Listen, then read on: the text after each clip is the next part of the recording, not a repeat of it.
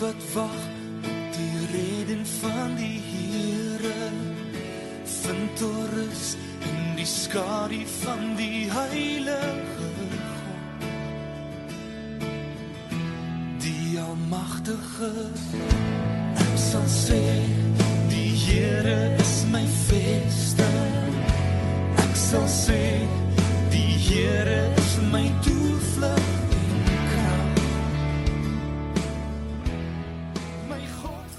Goeiedag geliefdes. Ek lees vir ons um Sagaria hoofstuk 3 en ek lees die hele hoofstuk vanaf vers 1. Die Here het my gesig laat sien. Ek het die hoofpriester Yeshua voor die engel van die Here sien staan en regs van hom het die Satan gestaan, besig om Yeshua aan te kla. Die Here het vir Satan gesê: Ek sal jou straf, Satan. Ek wat Jerusalem my woonplek gemaak het, sal jou straf. Hierdie man is soos 'n stuk hout wat uit die vuur gered is. Yeshua het klere aangetree wat liderlik bevuil was. Hy het daar voor die engel gestaan en die engel het vir sy helpers gesê: "Trek uit die liderlike vuil klere van hom." Vir Yeshua het hy gesê: "Ek het jou jou oortredinge vergewe en ek gaan vir jou skoon klere aantrek." Toe sê, toe sê ek: "Hulle moet 'n skoon tulband op sy kop sit." Hulle het die skoon tulband op sy kop gesit en hom aangetrek terwyl die engel van die Here daarby gestaan het. Daarna het die engel van die Here vir Yeshua beloof: "So sê die Here die Almagtige: As jy lewe soos ek dit wil, as jy die voorskrifte vir my diens onderhou, sal jy die gesag hê oor my huis, die verantwoordelikheid dra van my heiligdom. Jy sal toegang tot my hê, net soos hierdie engele." Luister, Yeshua, hoëpriester, jy en jou vriende wat voor jou sit. Jou vriende is 'n teken van iets wat kom. Ek gaan my dienaar Lot nou bring. Ek sit voor Yeshua 'n klip neer en op hierdie een enkele klip is daar sewe oë. Ek gaan nou ek gaan nou 'n grafeersel daarop aanbring, sê die Here die Almagtige en ek gaan die sonde van hierdie land op een enkele dag wegneem. Daardie dag, sê die Here die Almagtige, sal die mense weer rustig oor en weer na mekaar roep onder die wingerdstokke en die vyebome. Ja, as 'n mens as 'n gelowige ehm um, wil in oorwinning leef, as jy jou geloof wil uitleef elke dag, dan is dit baie belangrik dat jy God sal toelaat om jou denke te bepaal en nie jou omstandighede nie. Dat jy God se perspektief sal hê oor jou lewe. Want ehm um, negatiewe omstandighede kan jou maklik moeg en moedeloos maak en Satan gebruik veral negatiewe omstandighede om ons moedeloos, moeg te maak, passief te maak. Weet jy, Satan gebruik alles Hy gebruik um, die misdaad, hy gebruik hier die pandemie waarmee ons nou um, mee besig is en beveg. Hy gebruik um swak ekonomie, hoë brandstofpryse, um ja, politieke onrus, um korrupsie, al hierdie dinge gebruik Satan om ons werklik moeg en moedeloos te maak. En dat ons voel nee wat dis nie die moeite werd nie. Um jy sien nie uit na die jaar wat voor lê nie. Jy is eintlik moedeloos. Maar nou sien ons dat die dis baie belangrik daarom dat God jou denke sal bepaal. God sy perspektief sal gee oor jou lewe en oor 2021. En dis wat die Here hierso doen vir Sagaria en die terugkerende ballinge. Koning Kores van Perse Persie het gesê dat uh, die Jode moet terugkeer na Jerusalem om die stad herbou en ook die tempel herbou. En ehm um, nou kom die Here ook en vir hierdie terugkerende ballinge gee hy deur die profeet Jos ehm um, Sagaria gee hy 8 visioene. 8 visioene om sy perspektief oor die terugkerende ballinge se lewe te gee en die omstandighede daar in Jerusalem. Want ons moet weet toe hierdie ballinge teruggekeer het na Jerusalem, dis hier in 520 voor Christus wat ehm um, Sagaria opgetree het. Toe hulle terugkeer daar in Jerusalem, was dit baie moeilike omstandighede. Hulle was positief en opgewonde. Wat gaan hulle is hulle is opgewonde oor wat hulle gaan doen in Jerusalem. Maar toe hulle daar kom, is dit verskriklike moeilike omstandighede wat geheers het. Daar was ehm um, vyande wat hulle self tuis gemaak het en op die ruïnes van Jerusalem begin bly het. En jy kan hulle net so met verdryf nie. Daar was groot armoede in Jerusalem. Daar was swak oeste gewees. En ehm um, die terugkerende ballinge het moeg, moedeloos geraak en eintlik begin staak om te werk aan die tempel en om die stad se mure te herbou. En nou gebruik die Here vir Sagaria om hulle weer aan te moedig om vir hulle sy perspektief te gee oor hulle lewe daar in Jerusalem. Sodat hulle weer sal begin, hulle moed sal skep en sal begin weer om te werk in die tempel, veral die tempel te herbou. En hierdie Sagaria 3 sien ons die vierde gesig wat Sagaria gekry het en um, ons kry 'n kykie in die geestelike riem. En kyk wat is die hoe lyk dit agter die gordyn? Wat is die situasie in die geestelike riem? En eh, wat heers terwyl hulle daar in Jerusalem teruggekeer het en nou hierdie bouwerk moet weer begin en weer aangaan daarmee. En dan sien ons in hierdie vierde gesig dat ehm um, God sit vir Satan op sy plek.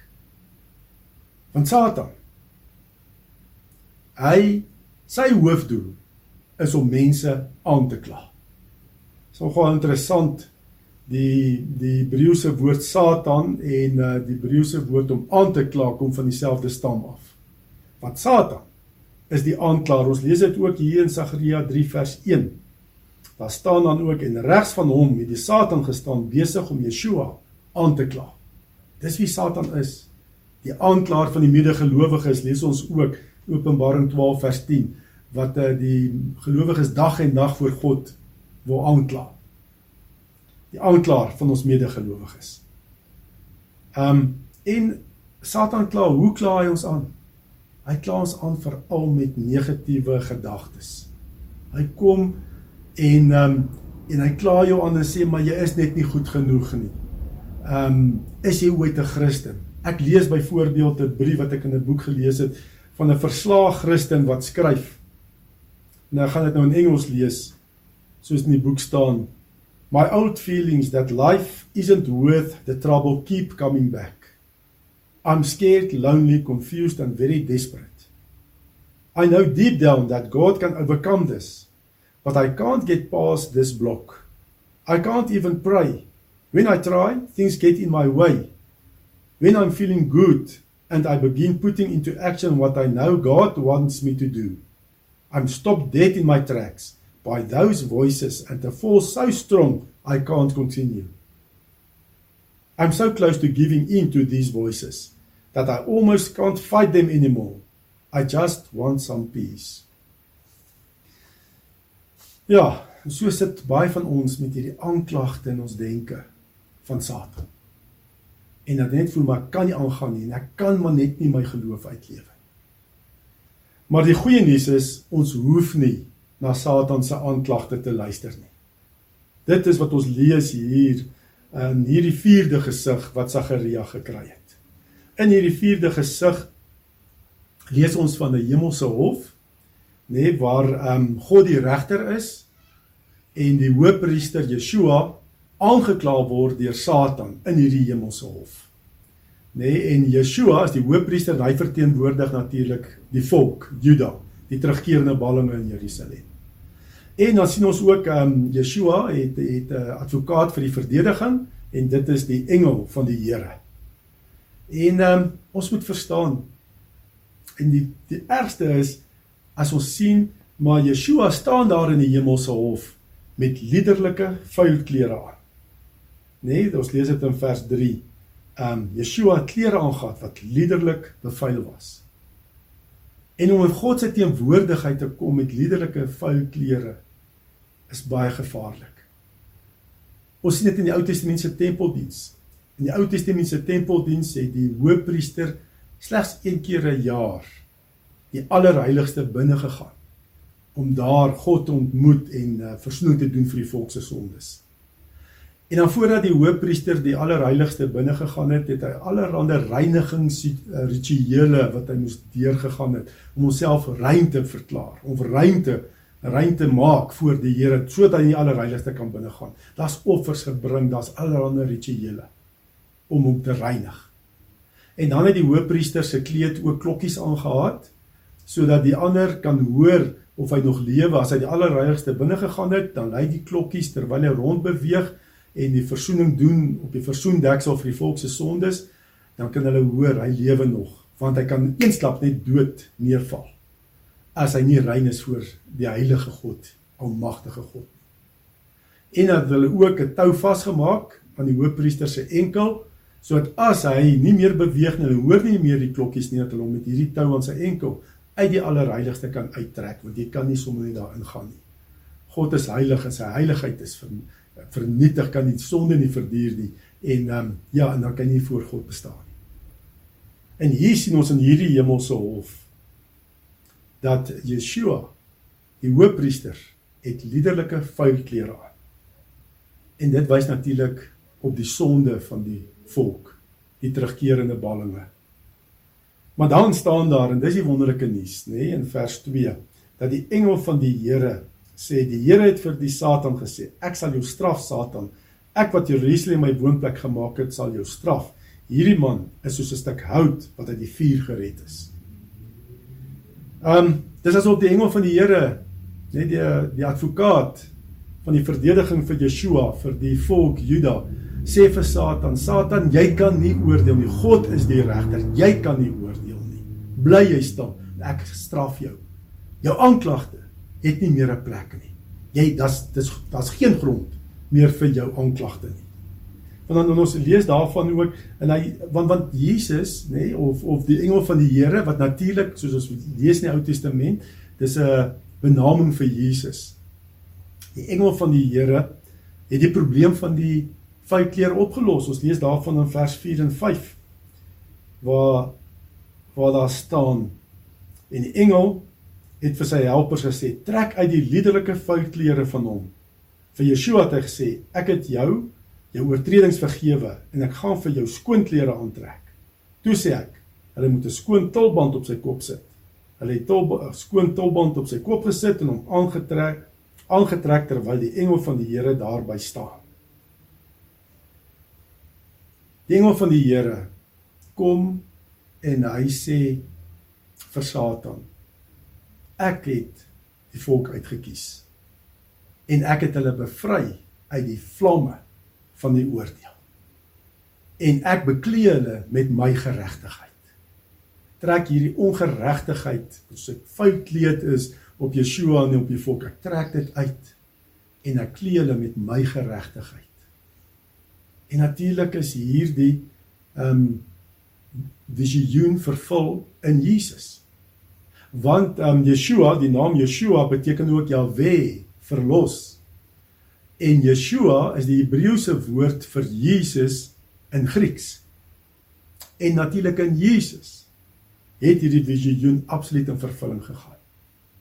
Waar Jesus daar aan die kruis, nê, nee, al ons ongeregtigheid, al sy volk se ongeregtigheid wat hy uitgekies het, nê, nee, al dit op hom geneem het en daarvoor verzoening gedoen het aan die kruis soos vers 9 ook vervul wat daar staan en ek gaan sonde en ek gaan die sonde van hierdie land op een enkele dag wegneem. So het Jesus ook die sonde van sy volk, van sy land op een enkele dag weggeneem toe hy gesterf het en aan die kruis en verzoening gedoen het vir ons sondes. Jesus het dit kom vervul, hierdie visioen. Ehm um, hy is ons advokaat en hy pleit vir ons op grond van sy versoeningsoffer. Ons lees daarvan ook in Romeine 8 vers 33 en 34. In Romeine 8 vers 33 en 34 skryf Paulus Wie kan die uitverkorenes van God aankla? God self spreek hulle vry. Wie kan ons veroordeel? Christus Jesus het gesterf, maar meer as dit, Hy's uit die dood opgewek. Hy sit aan die regterhand van God. Hy pleit vir ons. Jesus, die engel van die Here, is ons advokaat in die hemel. En hy het verzoening gedoen vir al ons sondes. Daar's geen grond meer vir Satan om ons voor God as regter aan te kla nie. En Jesus kom ook en hy het al ons ongeregtigheid op hom geneem. Hy het daai vuil klere van onge van ons ongeregtigheid, ons wat glo in hom, het hy op hom geneem. En hy het daarvoor betaal aan die kruis. En hy het vir ons 'n nuwe kleed, 'n helder, skoon kleed, spierwit kleed laat aantrek. Sy geregtigheid. Dis hy wat dit doen. Ons kan niks doen. Ons het geen kleed om te bied vir die Here nie. Dis te vuil. Ons beste werk is met sonde bevlek. Maar Jesus kom en klee ons met sy geregtigheid. Dis die wonderlike waarheid. Ons het 'n advokaat, Jesus Christus in die hemel vir ons verdediging. En daar's geen grond meer vir Satan om ons voor God as regter aan te kla nie. Eintlik wat gebeur het na die kruisiging is dat Satan uit die hemelse hof uitgegooi is. Hy mag nie eers meer in die hemel kom nie want daar's geen grond meer vir hom om daar te kom om God se kinders aan te kla nie, want Jesus het betaal. Ons lees daarvan in Openbaring 12 vers 9 en 10. Hoe Satan uit die hemelse uit die hemel uitgegooi is, uit die hemelse hof uitgegooi is. Openbaring 12 vers 9 en 10 staan want die groot draak, die slang van ouds wat die duiwel en die Satan genoem word en wat die hele wêreld verlei, is uit die hemel uitgegooi. Hy's op die aarde gegooi en sy engele saam met hom. Toe het ek 'n stem in die hemel hoor wat hard uitgeroep het: Nou het ons God die redding gebring. Nou is sy mag en koningskap hier en die gesag van sy gesalfde. Die aanklaer van ons medegelowiges is uit die hemel uitgegooi. Hy wat hulle dag en nag vir ons God aangekla het. Jesus sê ook ons lees ook daarvan in um, Lukas 10 vers 18 waar Jesus vir die 12 uh disippels wat hy uitgestuur het sê hy die Satan soos 'n weerligstraal uit die hemel sien val. So Satan kan ons nie eens meer aankla in die hemelse hof nie. Want Jesus het betaal. Hy staan daar met die merke van sy kruis. Daar's geen grond meer om God se kinders aan te kla voor God as regter nie. Wat 'n wonderlike nuus. Maar Satan gaan nog steeds aan. Hy bly die aanklaer van die gelowiges, van die mens. Waar doen hy dit nou? Hy doen dit op aarde. Hy kla ons aan met gedagtes van waardeloosheid en veroordeling. Hy kom byvoorbeeld met gedagtes dat jy sê nadat jy 'n um, sonde gedoen het, dan sê hy, "Hoe kon jy dit gedoen het? Hoe kon jy so iets gedoen het? Is jy ooit 'n kind van God?" En as jy na sy aanklagte luister, en dit glo, dan sal jy ook begin om hierdie aanklagte uit te leef. So asof uh, dit 'n vonnis is wat jy moet uitdien. En sal begin jy en dan begin jy ook twyfel oor jou kunskap van God. Satan kom, sy strategie is deur al die eeue maar dieselfde. Hy het so 1 2 opstopper. Hy kom eerstens na jou toe as 'n kind van die Here, 'n gelowige in Christus, kom hy eerstens en hy versoek jou. Versoek jou om 'n sonde te doen. En dan sy tweede opstopper is dan hy beskuldig jou daarna. Hy kom byvoorbeeld na jou toe en sê, "Ai, jy kan dit ook maar doen. Almal doen dit. Jy mis eintlik uit as jy dit nie ook doen nie. Niemand sal dit agterkom nie. Jy sal wegkom met hierdie sonde." Kyk, almal doen dit. En sodra jy ehm um, versoek is en jy gee toe aan hierdie versoeking en jy sondig, dan verander hy weer sy rol en hy word die aanklaer en die beskuldiger. En hy sê, "Sjoe, jy sê jy's 'n kind van God. En kyk nou wat het jy gedoen? Is jy ooit 'n kind van God? God het al opgegee vir jou. God kan jou nie aanvaar nie. Kyk, het jy alweer gesondig? Jy's nie goed genoeg nie. Jy kan dit maar, jy het maar net nie dit wat nodig is om 'n kind van die Here te wees nie. 'n algemene gesindheid by baie Christene is 'n gevoel van minderwaardigheid. Ek is onbelangrik. Ek is maar net nie goed genoeg nie. Ek is nie bekwam nie. Ehm um, ja, die Here, ek wil of die Here my aanvaar. En dit maak ons baie dan ook, dit maak ons passief en oneffektief. Dit verlam ons in ons getuienis as kinders van die Here. Ek bly eerder stil. En ek is 'n verlamde Christen. En die Here kan my nie gebruik in sy koninkryk om sy woord te verkondig nie. Nee, as Satan kom met al hierdie eerstens sy sy versoekings en daarna sy beskuldigings nê, neem daai gedagtes gevange en staan op die waarheid en sê, maar ek is tot alles in staat deur Jesus Christus vir my krag gee. Want ek het gesterf. Christus leef nou in my. Daar's geen vers, uh, beskuldiging vir die wat in Christus is nie. God het my uitgekies. Hy het my soos 'n stuk brandhout uit die vuur gered. Jesus het my gered uit die vlamme van oordeel. Ek's 'n kind van God. Die Here het my lief Ek is tot alles in staat deur Christus wat my die krag gee. Mag jy staan op die waarheid. Mag jy ook leef volgens hierdie kykie wat Sagaria vir ons gegee het in die hemelse werklikheid, in die hemelse reale. Kom ons bid saam.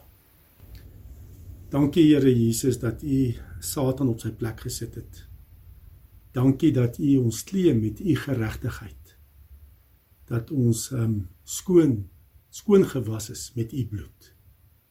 Dankie dat Satan ons nie eens meer kan aankla in die hemel nie. Here, want u het volmaak verzoening gedoen vir ons sondes. En as ons dan ook hier op aarde te doen kry met Satan se aanklagte in ons denke, vra ons Here Heilige Gees dat u ons sal vul met u waarheid, dat ons sal staan op die waarheid in Christus. En dat ons met die geregtigheid van Christus ook Satan se aanvalle sal afweer in ons denke. Ons vra dit in Jesus se wonderlike en almagtige naam. Amen. Sê die Here is my vesting. Ek sal sê die Here